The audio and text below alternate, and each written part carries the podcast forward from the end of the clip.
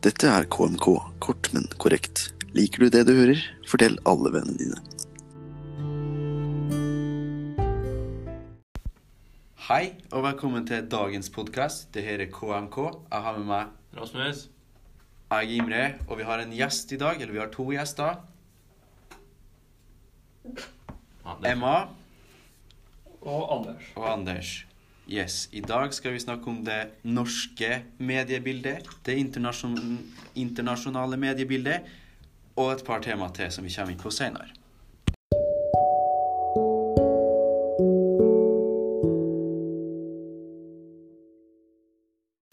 Dagens tema er Hva vi finner i det norske mediebildet. Og Imre, hva finner vi i det norske mediebildet? I det norske mediebildet så finner vi da saker som for det meste omhandler Norge. Vi kan også finne saker som vi finner i svenske medier, og sånt da, som eh, kongehuset f.eks. Kongen er jo veldig omtalt i danske og svenske medier når han finner på ting. Vi har da lokalnyheter. Som Fosna-folket bryr seg om. Ja, Det er da litt mer sånn agurknyheter som ikke er så viktige for allmennheten. Og sånt finner vi som regel ikke på det internasjonale mediebildet, fordi at det er irrelevant for dem. Eh, Norske kjendiser, sånn reality-stjerner og sånt, programledere og kjente norske artister. Yes, og så har vi covid-situasjonen i Norge. Ja. Men vi har også det internasjonale mediebildet. Ja. Hva finner vi der, Rasmus? Der finner vi saker som er litt større og omhandler litt mer folk. For at nyhetsterskelen i de internasjonale mediene er veldig mye høyere enn de nasjonale og lokale nyhetene. Så Der finner vi f.eks. store nyheter om covid-19-vaksiner og andre ting som angår stort sett hele verden. da. Ja. Anders, har du noe å spille inn med her?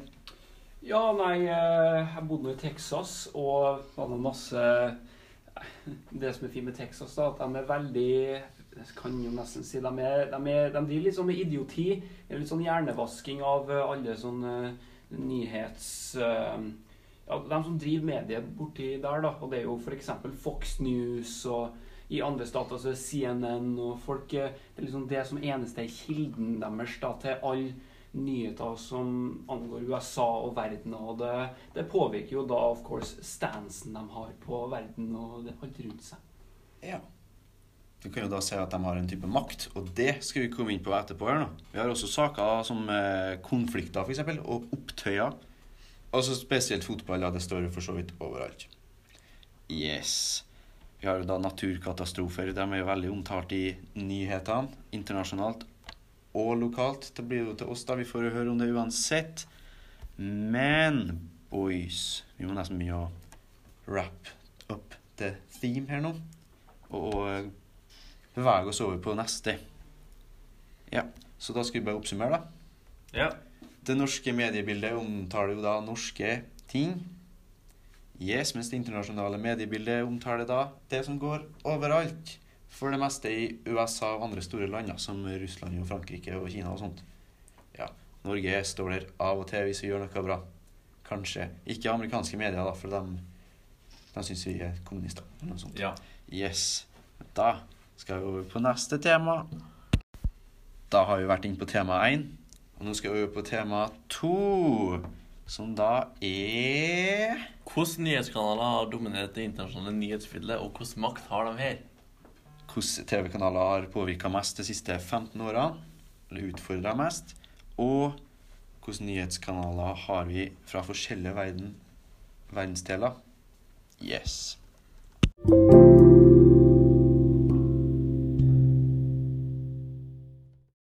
Tema to. Hvilke nyhetskanaler har dominert i det internasjonale mediebildet, og hvilken makt har de, Rasmus? Det er jo store mediehus som BBC og CNN. Da. De har jo da den makta med at de når ut til veldig mange, og på den måten påvirker opinionen og folkemeninga. Ja, de får jo da snudd om på meningene til folk. De påvirker folk og får dem til å gjøre ting de egentlig ikke ville ha gjort. Som f.eks. i USA, hvor alle sammen blir litt sånn hjernevaska, kanskje. Men eh, det vi har jo en ekspert på andre sida, Anders. Kan du si deg enig? Det kan jeg så absolutt. De, eh, case in point, jeg var, på, jeg var på en bursdagsfest tre dager før jeg skulle tilbake til Norge for to år siden. Og diskuterte av Norge at jeg skulle tilbake dit. og ene faren til han vennen jeg var på bursdagsfest, han nevnte da bare plutselig ja, nei, jeg kan ikke stole på norske, kan ikke stole på nordmenn, de er kommunister. Og det, det, er jo da litt rart for oss å høre på, for de eneste nærheten vi har til kommunisme, er da at naboen vår er Russland, og de er ikke engang kommunister. Så det ja. Det ser vi da. Et, det er et veldig sånn fint prakteksemplar da, på hvordan amerikanske medier virkelig påvirker meningene til folk. Men vi har jo også hatt TV-kanaler de siste 15 årene som har kommet og utfordra. Har vi noen eksempel, Rasmus? Vi har jo uh, Al Jazeera, skal du si. De er jo litt gamlere enn akkurat det. da. Men likevel må jo regnes som en utfordrer i, sam, altså, satt mot BBC, som er 100 år gammelt, skal du si. Men vi har òg Al Jazeera, som jeg sa, som er en arabisk nyhetskanal. Som har kommet og brakt opp en del tema som de ikke har torsa før.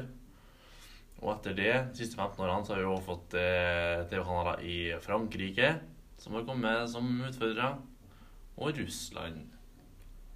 Ja, det er også da snakk om en litt sånn sørafrikansk eh, mediehus da, som eh, viser de fine sidene til Afrika, og viser de andre sakene som ikke omhandler elendighet som sult og krig og naturkatastrofer og sånt.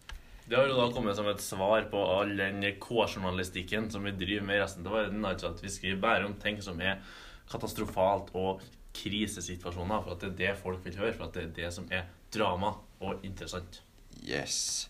Men uh, ja. Det var vel det vi hadde å si om dette temaet. Tror du nok det, altså? Jeg tror det. Da, da må vi nesten bevege oss over på neste spalte, da. Ja.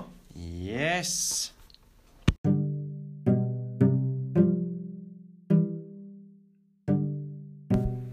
KMK løser verdensproblemer.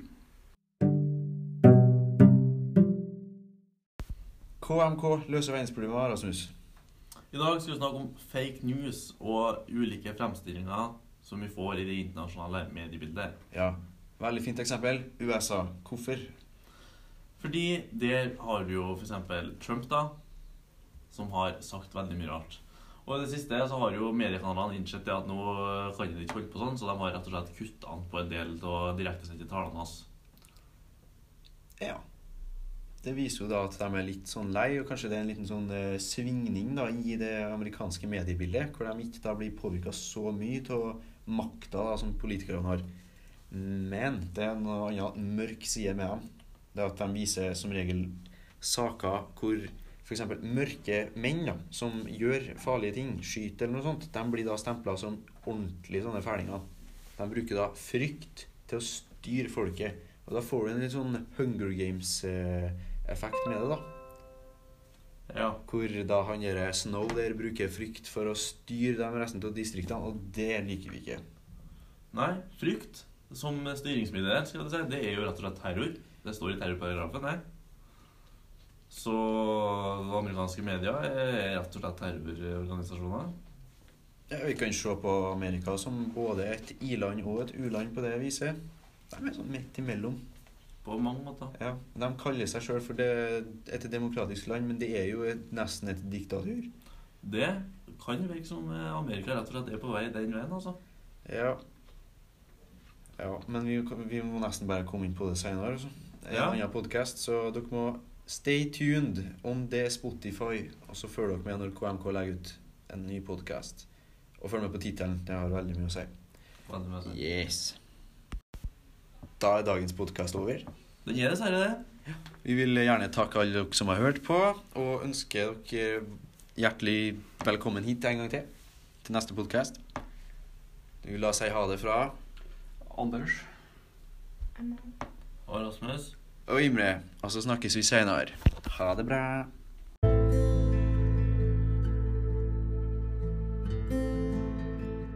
Du har nå hørt på en podkast fra KMK, kort, men korrekt.